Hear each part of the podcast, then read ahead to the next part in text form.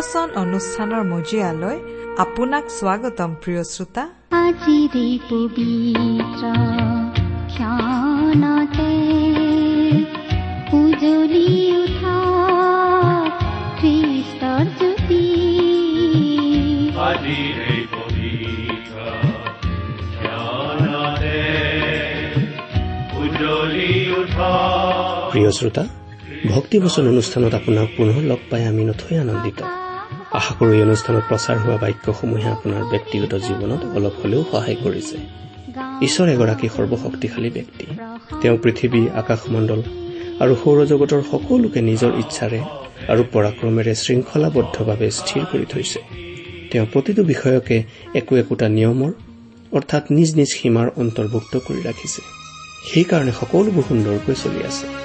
সেইবোৰৰ এটা বিষয়েও যদি নিজ নিয়মক চেৰাই যাবলৈ ধৰে তেন্তে সকলোবোৰ খেলি মেলি অৰ্থাৎ ধ্বংস হ'ব। আমাৰ জীৱনবোৰো তেনেকুৱা। আপোনাৰ মোৰ জীৱনটোকো ঈশ্বৰে বৰ সুন্দৰকৈ শৃংখলাবদ্ধভাৱে মংগলৰ আঁচনিৰে সজাই ৰাখিছে। ঈশ্বৰৰ পৰাক্ৰমী সুৰক্ষাৰ তলত আপোনাৰ জীৱন সদায় সুৰক্ষিত।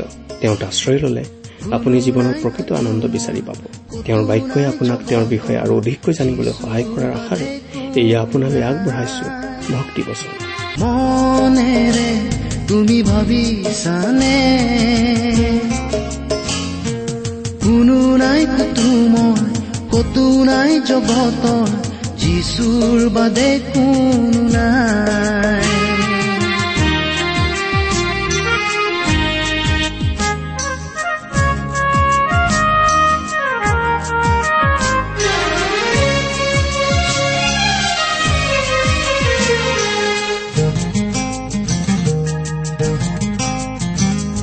তেজৰ তানে নাৰাখে কাকো প্ৰেমৰ ভাষা নুবুজে কোনো নুশুনে কোনো ইয়াৰ কান্দোন নুবুজে চকুলোৰ কোনোৱে মূল কাহত তোমাৰ যিচুৰ বাদে কোনো নাই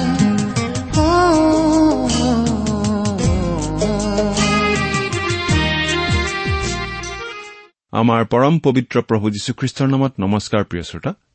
আশা কৰো মহান পিতা পৰমেশ্বৰৰ মহান অনুগ্ৰহত আপুনি ভালে কুশলে আছে। আপুনি বাৰু আমাৰ এই ভক্তিবচন অনুষ্ঠানটো নিয়মিতভাৱে শুনি আছেনে?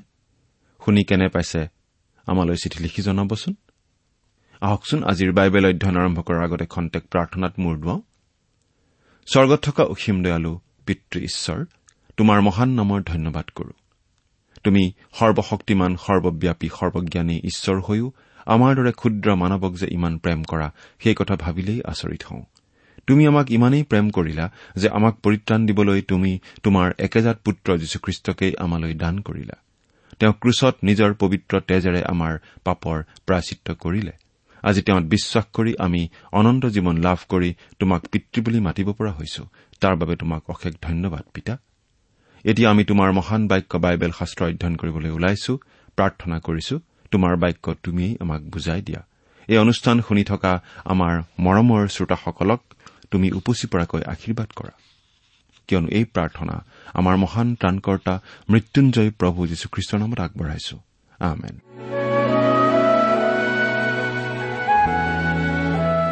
প্ৰিয় শ্ৰোতা আপুনি বাৰু আমাৰ আগৰ অনুষ্ঠানটো শুনিছিল নে আমি কিছুদিন ধৰি বাইবেলৰ নতুন নিয়ম খণ্ডৰ থিচলনিকীয়াবিলাকৰ প্ৰতি দ্বিতীয় পত্ৰ বা চমুকৈ দ্বিতীয় থিচলনিকীয়া নামৰ পুস্তকখন অধ্যয়ন কৰি আছো। নহয়নে বাৰু? ইতিমধ্যে আমি এই পুস্তকৰ প্ৰথম অধ্যায়ৰ শেষৰ পদলৈকে পঢ়ি আমাৰ অধ্যয়ন আগবঢ়ালো। আজি আমি দ্বিতীয় অধ্যায়ৰ অধ্যয়ন আৰম্ভ কৰিম। ইতিমধ্যে আমি পাচনি পৌলে থিচলনিকীয়া বিশ্বাসীসকললৈ লিখা প্ৰথমখন পত্ৰ অৰ্থাৎ প্ৰথম থিচলনিকীয়া পুস্তকখন অধ্যয়ন কৰিলো। তাত আমি এটা বিশেষ বিষয় আলোচনা কৰিছিলো প্ৰভু যীশুৰ আগমন। তেওঁ যে খ্ৰীষ্টীয় বিশ্বাসীসকলক এই পৃথিৱীৰ পৰা উঠাই লৈ যাব আৰু তাৰ পাছত এই পৃথিৱীত মহাক্লেশৰ সূত্ৰপাত হ'ব সেই কথা। এই দ্বিতীয় থিচলনিকীয়া পুস্তকখনৰ মূল বিষয় হৈছে সেই মহাক্লেশৰ কথা। কিন্তু ইয়াতো আমি পৃথিৱীৰ পৰা খ্ৰীষ্টীয় বিশ্বাসীসকলক খ্ৰীষ্টই উত্তোলিত কৰি নিয়া বিষয়টো পাওঁ। আমি এতিয়া বাইবেলৰ পৰা পাঠ কৰি দিম। দ্বিতীয় থিচলনিকীয়া দ্বিতীয় অধ্যায় প্ৰথম পদ। পাঠ কৰিছো। হে ভাইবিলাক আমাৰ প্ৰভু যীশুখ্ৰীষ্টৰ আগমন আৰু তেওঁৰ ওচৰত আমাৰ গোট খোৱাৰ বিষয়ে তোমালোকক আমি এই বিনয় কৰো। এই চিঠিখন পাচনি পৌলে লিখিছিল থিচলনিকি নামৰ ঠাইত থকা খ্ৰীষ্টীয় বিশ্বাসীসকললৈ। তেওঁ তেওঁলোকক ইতিমধ্যে জনাই দিছিল যে প্ৰভু যীশুৰ পুনৰ আগমন ঘটিব অচিৰেই। তেওঁৰ আগমনৰ সময়ত সকলোবোৰ খ্ৰীষ্টীয় বিশ্বাসীক এই পৃথিৱীৰ পৰা উত্তোলিত কৰা হ'ব। আমি খ্ৰীষ্টীয় বিশ্বাসীসকলে আকাশত গৈ তেওঁক লগ ধৰিম। সেই সময়ত কিন্তু খ্ৰীষ্টই জগতৰ সুদবিচাৰ নকৰে। সেইটো পাছতহে হ'ব। এই পৃথিৱীৰ পৰা খ্ৰীষ্টীয় বিশ্বাসীসকলক উত্তোলিত কৰি নিয়াৰ পাছতহে প্ৰভুৰ দিনৰ আৰম্ভণি হ'ব। অৰ্থাৎ পৃথিৱীত মহাক্লেশৰ সূত্ৰপাত হ'ব। এতিয়া দ্বিতীয় পদটো চাওক। দ্বিতীয় পদ। প্ৰভুৰ দিন উপস্থিত হ'ল বুলি কোনো আত্মাৰ দ্বাৰাই বা আমি কোৱা বুলি কোৱা কোনো বাক্যৰ দ্বাৰাই নাইবা আমি লিখা বুলি কোৱা কোনো পাত্ৰৰ দ্বাৰাই তোমালোকৰ মন বেগতে অস্থিৰ নহওক। আৰু তোমালোক ব্যাকুলো নহবা। প্ৰিয় শ্ৰোতা এইটো এটা গুৰুত্বপূৰ্ণ পদ। কিছুমান ইংৰাজী বাইবেলত এই পদটোত প্ৰভুৰ দিন বুলি নিলিখি খ্ৰীষ্টৰ দিন বুলি লিখা আছে। কিন্তু আচলতে প্ৰভুৰ দিনটোৱেই বেছি উপযুক্ত শব্দ। প্ৰভুৰ দিন। এই বিষয়টোৰ লগত আচলতে খ্ৰীষ্টীয় মণ্ডলী জড়িত নহয়। এই পৃথিৱীৰ পৰা খ্ৰীষ্টীয় বিশ্বাসীসকলক উঠাই লৈ যোৱাৰ লগে লগে অনুগ্ৰহৰ কালৰ অন্ত পৰিব আৰু আৰম্ভ হ'ব প্ৰভুৰ দিন। এই প্ৰভুৰ দিনৰ কথাটো বাইবেলৰ পুৰণি নিয়মত কেইবাঠাইতো উল্লেখ কৰা হৈছে। কিন্তু পৃথিৱীৰ পৰা খ্ৰীষ্টীয় মণ্ডলীক উত্তোলিত কৰি নিয়া বিষয়টোৰ কোনো উল্লেখ পুৰণি নিয়মত নাই। প্ৰভুৰ দিনৰ আৰম্ভণি হ'ব মহাক্লেশৰ ৰাতিৰে। জুৱেল ভাৱবাদীয়ে কৈছে এই প্ৰভুৰ দিন হ'ব ঘোৰ অন্ধকাৰৰ দিন য'ত কোনো পোহৰ নাই। ইয়াৰ আৰম্ভণি হ'ব ৰাতিৰে। যিহুদীসকলৰ দিন ৰাতিৰে আৰম্ভ হোৱাৰ নিচিনাকৈ। গধূলি আৰু পুৱা হলত এক দিন হ'ল। আদি পুস্তক প্ৰথম অধ্যায় পাঁচ পদ। প্ৰভুৰ দিন উপস্থিত হ'ল বুলি যাতে কোনো লোকেই থিচলনিকীয়া লোকসকলক ভুলাব নোৱাৰে তাৰ বাবে পাচনি পৌলে সাৱধান কৰি দিছিল। অৰ্থাৎ তেতিয়ালৈকে প্ৰভুৰ দিন উপস্থিত হোৱা নাছিল। কিন্তু উপস্থিত হোৱা বুলি মানুহৰ মাজত বু বু বা বা হ'ব ধৰিছিল। সেইবাবে পাচনি পৌলে তেওঁলোকক সুকীয়াই দিছিল যাতে কোনো আত্মাৰ দ্বাৰা বা পৌলৰ নামেৰে কোনোবাই বিলাই থকা চিঠিৰ দ্বাৰা যাতে তেওঁলোক বিভ্ৰান্ত নহয়। কাৰণ তেতিয়ালৈকে প্ৰভুৰ দিন উপস্থিত হোৱা নাছিল। এতিয়ালৈকে প্ৰভুৰ দিন উপস্থিত হোৱা নাই। কোনো আত্মাৰ দ্বাৰাই। খ্ৰীষ্টীয় বিশ্বাসীসকলক অপথে নিবলৈ বিভ্ৰান্ত কৰিবলৈ ছয়তানে নানা ধৰণে চেষ্টা চলাই থাকে। আমি কোনো অলৌকিক কথা দেখিলেই ঈশ্বৰৰ কথা বুলি গ্ৰহণ কৰি ল'ব নালাগে কাৰণ ছয়তানেও অলৌকিক চিন দেখুৱাব পাৰে। যিকোনো আম্মিক বিষয়কেই আমি গ্ৰহণ কৰি ল'ব নালাগে কোনটো প্ৰকৃততে ঈশ্বৰৰ পৰা অহা কোনটো ছয়তানৰ পৰা অহা আমি সাৱধানে বিচাৰ কৰি চাবলৈ যত্ন কৰিব লাগে। আচলতে এই বিষয়তো আমাক ঈশ্বৰেই সহায় কৰিব পাৰে। আমি সকলো কথা ঈশ্বৰৰ লিখিত বাক্যৰ আলমত চালি জাৰি চাব লাগে। লিখিত বাক্য মানে বাইবেল। বাইবেলতনো কি আছে? বাইবেলৰ যোগেদিনো ঈশ্বৰে কি কৈছে আমি ভালদৰে জানি থলে আমি সহজে বিভ্ৰান্ত নহম। প্ৰিয় শ্ৰোতা আমি এই কথা আকৌ সোঁৱৰাই দিব খুজিছো। কিবা অদ্ভুত অলৌকিক কাৰ্য দেখিলেই আমি ঈশ্বৰৰ কাৰ্য বুলি ধৰি ল'ব নালাগে। আমি কোৱা বুলি কোৱা কোনো বাক্যৰ দ্বাৰাই নাইবা আমি লিখা বুলি কোৱা কোনো পত্ৰৰ দ্বাৰাই।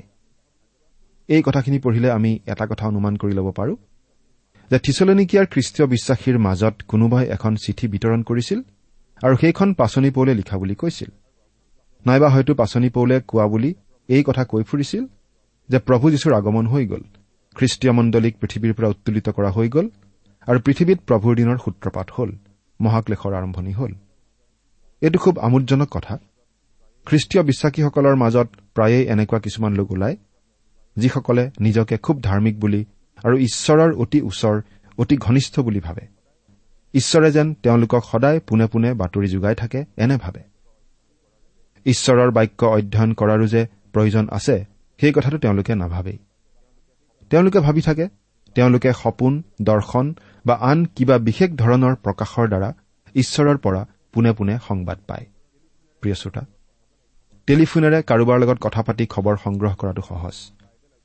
কিন্তু ধৈৰ্য ধৰি বাইবেল অধ্যয়ন কৰি জ্ঞান অৰ্জন কৰাটো নিশ্চয় সিমান সহজ নহয়। কিন্তু ঈশ্বৰে আমাক টেলিফোনেৰে পোনে পোনে সকলো কথা কৈ নিদিয়ে। তেওঁ আমাক তেওঁৰ বাক্য দিছে লিখিত আকাৰত বাইবেল ৰূপত। থিচলনিকিতো কিছুমান মানুহ ওলাইছিল তেওঁলোকে হয়তো কৈ ফুৰিছিল যে তেওঁলোকে বিশেষভাৱে জানিব পাৰিছে ভাই পৌলৰ পৰা বিশেষ প্ৰকাশ হিচাপে আৰু সেই বিশেষ কথাকে তেওঁলোকে মানুহৰ মাজত কৈ ফুৰিছিল। কিন্তু আচলতে পাচনি পৌলৰ পৰা তেনে একো কথা অহা নাছিল। কোনো পত্ৰৰ দ্বাৰাই। এই বুলি কওঁতে আমি এটা কথা অনুমান কৰি ল'ব পাৰো যে তেওঁলোকৰ মাজত এখন নকল চিঠি প্ৰকাশ পাইছিল। চিঠিখন পাচনি পৌলে লিখা বুলি কোৱা হৈছিল। কিন্তু আচলতে তেওঁ লিখা নাছিল। হয়তো কোনো কোনো লোকে তেনে চিঠি দেখা নাছিল কিন্তু দেখা বুলি কৈ ফুৰিছিল। আমি লিখা বুলি কোৱা কোনো পত্ৰৰ দ্বাৰাই। অৰ্থাৎ পত্ৰখন পৌল চিল আৰু তিমঠিয়ৰ পৰা অহা বুলি কোৱা হৈছিল বুলি আমি অনুমান কৰিব পাৰো। এই ভুৱা প্ৰচাৰটো কি আছিল ইতিমধ্যে আমি উল্লেখ কৰি আহিছো। প্ৰভুৰ দিন উপস্থিত হ'ল বুলি তেওঁলোকৰ মাজত প্ৰচাৰ কৰা হৈছিল। এই কথাটোৱে থিচলনিকীয়া খ্ৰীষ্টীয় বিশ্বাসীসকলৰ মাজত এটা বিশেষ সমস্যাৰ সৃষ্টি কৰিছিল। কিয় বাৰু? তেওঁলোকে নানা ধৰণৰ তাৰণা দুখ কষ্ট অত্যাচাৰ আদি সহি থাকিব লগা হৈছিল। গতিকে হয়তো কোনোবাই খুব সহজে কৈ দিব পাৰিছিল। এয়া এতিয়া মহাক্লেশৰ আৰম্ভণি ঘটিলেই। প্ৰভুৰ দিন উপস্থিত হলেই। আমি এতিয়া প্ৰভুৰ দিনত বাস কৰিছো। এই বুলি। এই প্ৰভুৰ দিন মানেনো কি বাৰু? এইটো এটা তাত্বিক বিষয়। প্ৰভুৰ দিন মানে এচোৱা বিশেষ সময়ৰ কথা আমাক কোৱা হৈছে।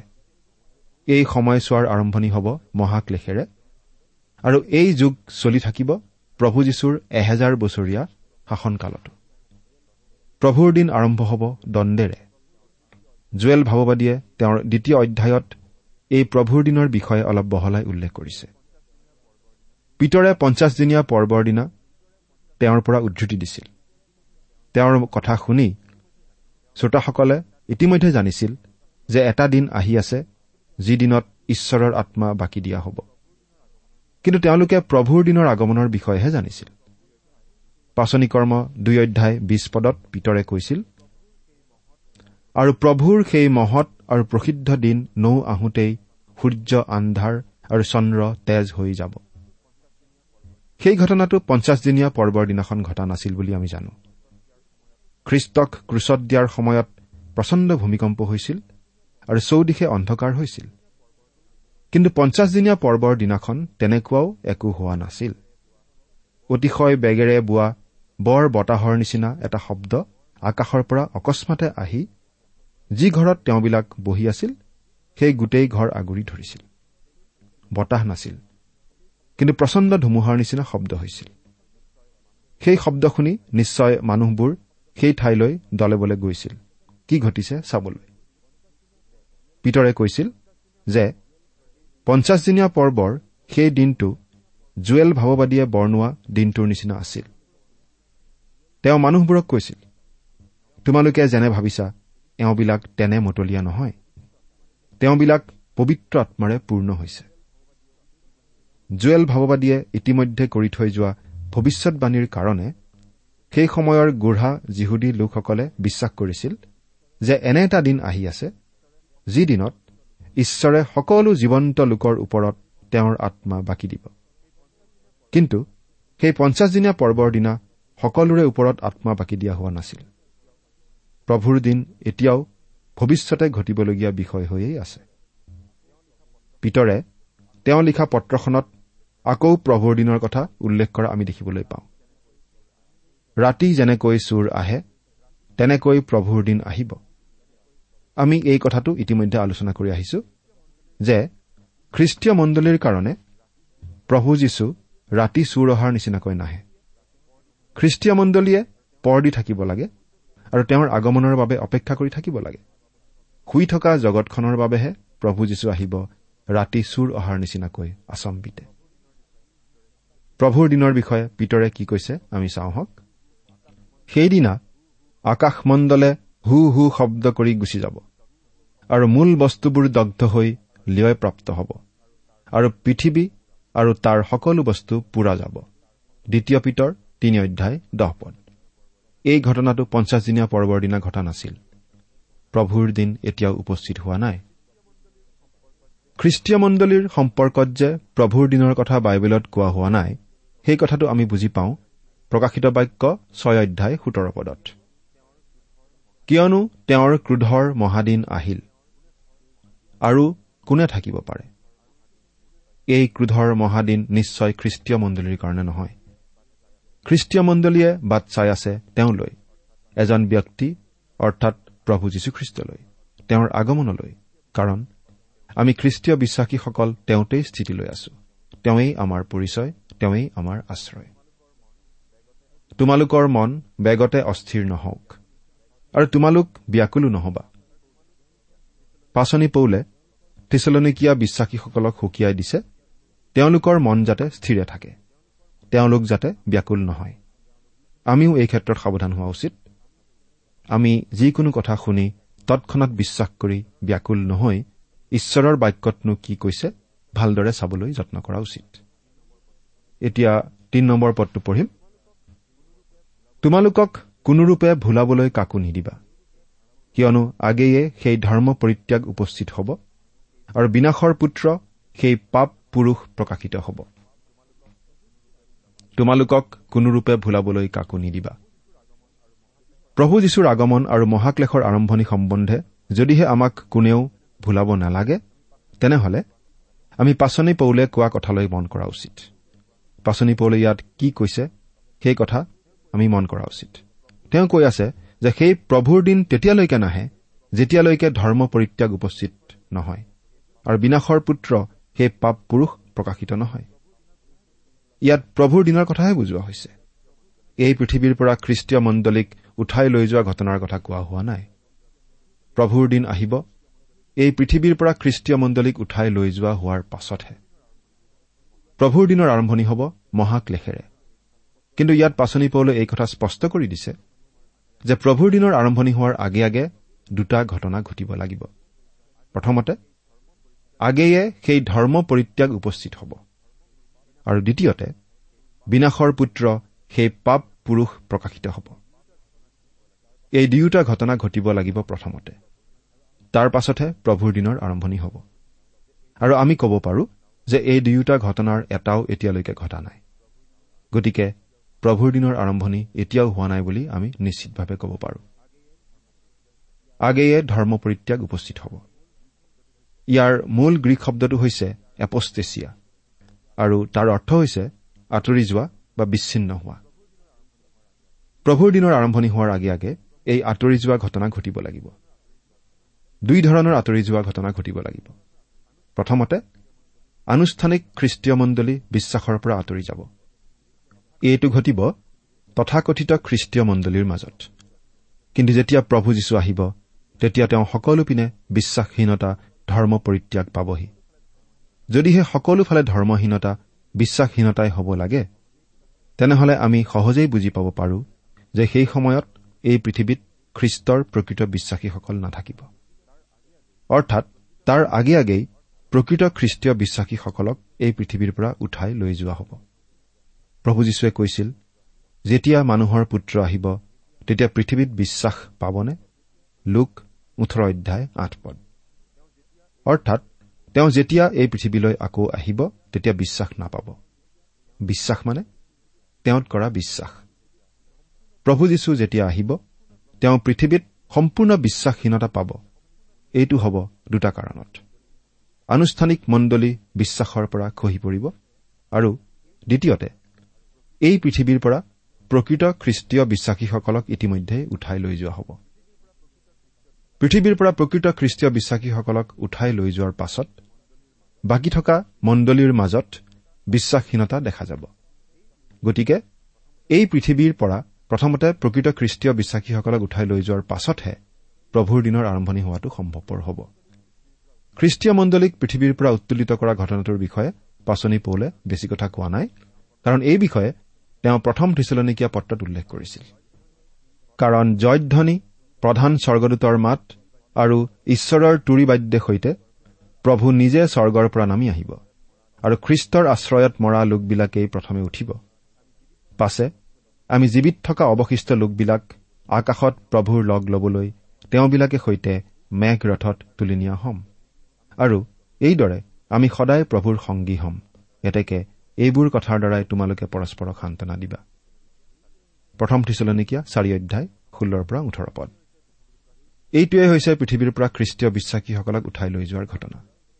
এই পৃথিৱীৰ পৰা প্ৰকৃত খ্ৰীষ্টীয় বিশ্বাসীসকলক উঠাই লৈ যোৱাৰ পাছত পৃথিৱীত ৰৈ যোৱা আনুষ্ঠানিক মণ্ডলী বিশ্বাসৰ পৰা খহি পৰিব। এই বিশ্বাসহীন অৱস্থাৰ মণ্ডলীকেই প্ৰকাশিত বাক্য সোতৰ নম্বৰ অধ্যায়ত মহাবেশ্যা হিচাপে চিত্ৰিত কৰা হৈছে। দ্বিতীয়তে প্ৰভুৰ দিন আৰম্ভ হোৱাৰ আগে আগে বিনাশৰ পুত্ৰ সেই পাপ পুৰুষ প্ৰকাশিত হ'ব লাগিব। এই বিনাশৰ পুত্ৰকেই জোহনে খ্ৰীষ্টাৰী বুলি কৈছে। এই খ্ৰীষ্টাৰী হ'ব ছয়তানৰ মানুহ। এই ব্যক্তিজনে প্ৰাচীন ৰোমিয়া সাম্ৰাজ্যক আকৌ পুনৰ গঠন কৰি নিজে গোটেই বিশ্বৰ একনায়কত্ববাদী শাসক হ'ব। তেওঁ গোটেই বিশ্বক প্ৰবঞ্চনা কৰিব। সেই ব্যক্তিজন হয়তো এতিয়া আমাৰ মাজতে থাকিব পাৰে। কিন্তু সেই সময় উপস্থিত হলেহে সেই ব্যক্তিজনে আত্মপ্ৰকাশ কৰিব। এতিয়া চাৰি নম্বৰ পদটো পঢ়িছো। সি বিৰোধী হৈ সকলো ঈশ্বৰ নামধাৰীতকৈ আৰু পূজ্যপাত্ৰতকৈ নিজকে ওখ কৰে। এনেকি ঈশ্বৰৰ মন্দিৰত বহি নিজকে নিজে ঈশ্বৰ বুলি দেখুৱায়? সেই খ্ৰীষ্টাৰী বা পাপ পুৰুষে নিজকে ঈশ্বৰ বুলি ঘোষণা কৰিব আৰু পৃথিৱীয়ে এই ব্যক্তিজনকে খ্ৰীষ্ট বুলি ভুল কৰিব।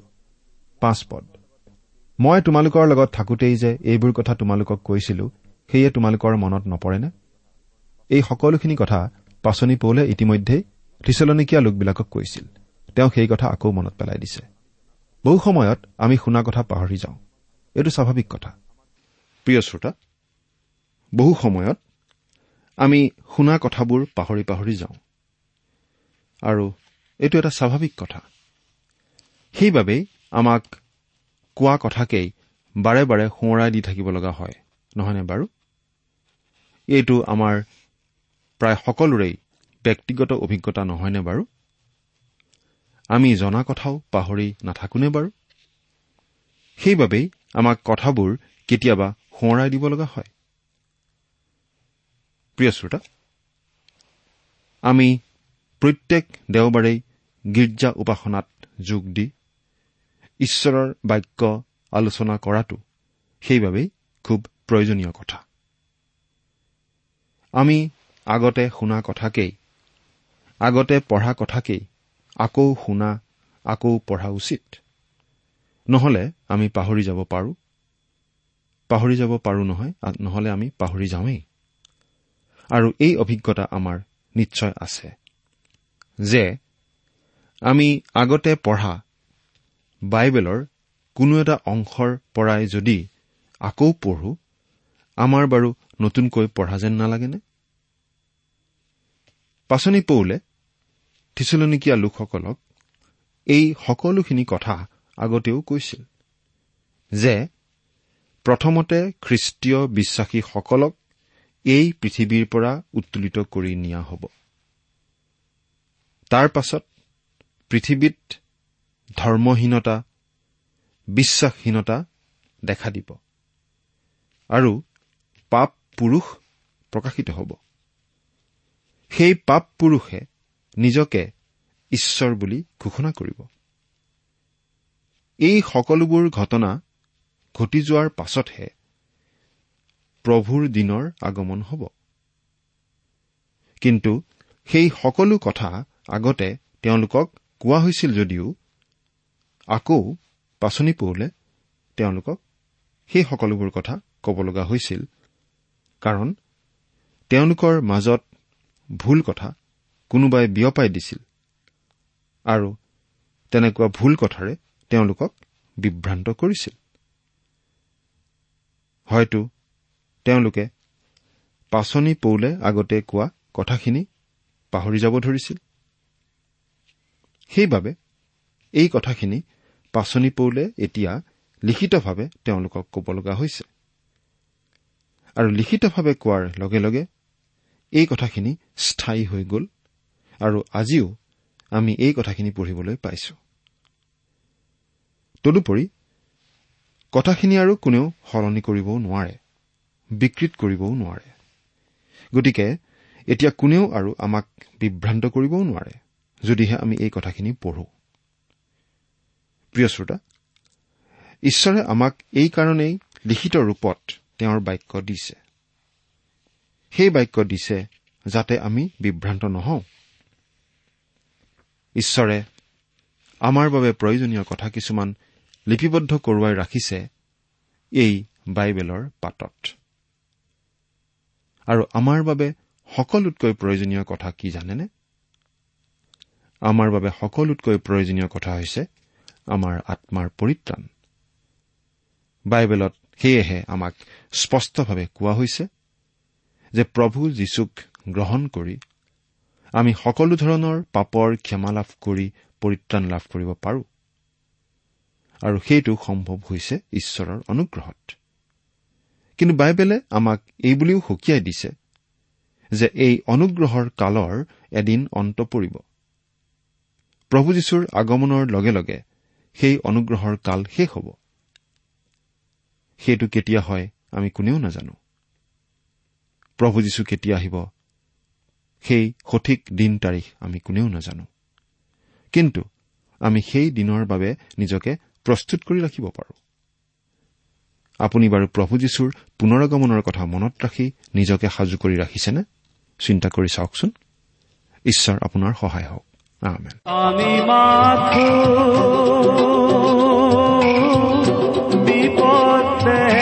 প্ৰিয় শ্ৰোতা ইমান পৰে আপুনি বাইবেল শাস্ত্ৰৰ পৰা ঈশ্বৰৰ বাক্য শুনিলে। এই বিষয়ে আপোনাৰ মতামত জানিবলৈ পালে আমি নথৈ আনন্দিত হ'ম।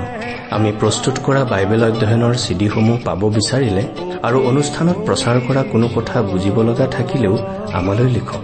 আমাৰ যোগাযোগৰ ঠিকনা ভক্তিবচন ট্ৰান্সৱৰ্ল্ড ৰেডিঅ' ইণ্ডিয়া ডাক বাকচ নম্বৰ সাত শূন্য গুৱাহাটী সাত আঠ এক শূন্য শূন্য এক। ঠিকনাটো আকৌ এবাৰ কৈছো ভক্তিবচন ট্ৰান্সৱৰ্ল্ড ৰেডিঅ' ইণ্ডিয়া ডাক বাকচ নম্বৰ সাত শূন্য গুৱাহাটী সাত আঠ এক শূন্য শূন্য এক। আমাৰ ইমেইল এড্ৰেছটো হৈছে Assamese T TV at the rate radio' eight eight two dot com. আমাৰ website W W W dot T W R dot in. আপুনি টেলিফোনৰ মাধ্যমেৰেও আমাক যোগাযোগ কৰিব পাৰে। আমাৰ টেলিফোন নম্বৰটো হৈছে nine eight five four zero' four zero' eight eight nine. Phone নম্বৰটো আকৌ এবাৰ কৈছো ন আঠ পাঁচ চাৰি শূন্য চাৰি শূন্য আঠ আঠ ন। আপুনি এই ভক্তিবচন অনুষ্ঠানটি আমাৰ website W W W dot radio' eight eight two dot কমতো শুনিব পাৰিব। আজিৰ অনুষ্ঠানটি ইমানতেই সামৰিছো। ঈশ্বৰৰ শান্তি আৰু অনুগ্ৰহ আপোনাৰ লগত থাকক। ধন্যবাদ।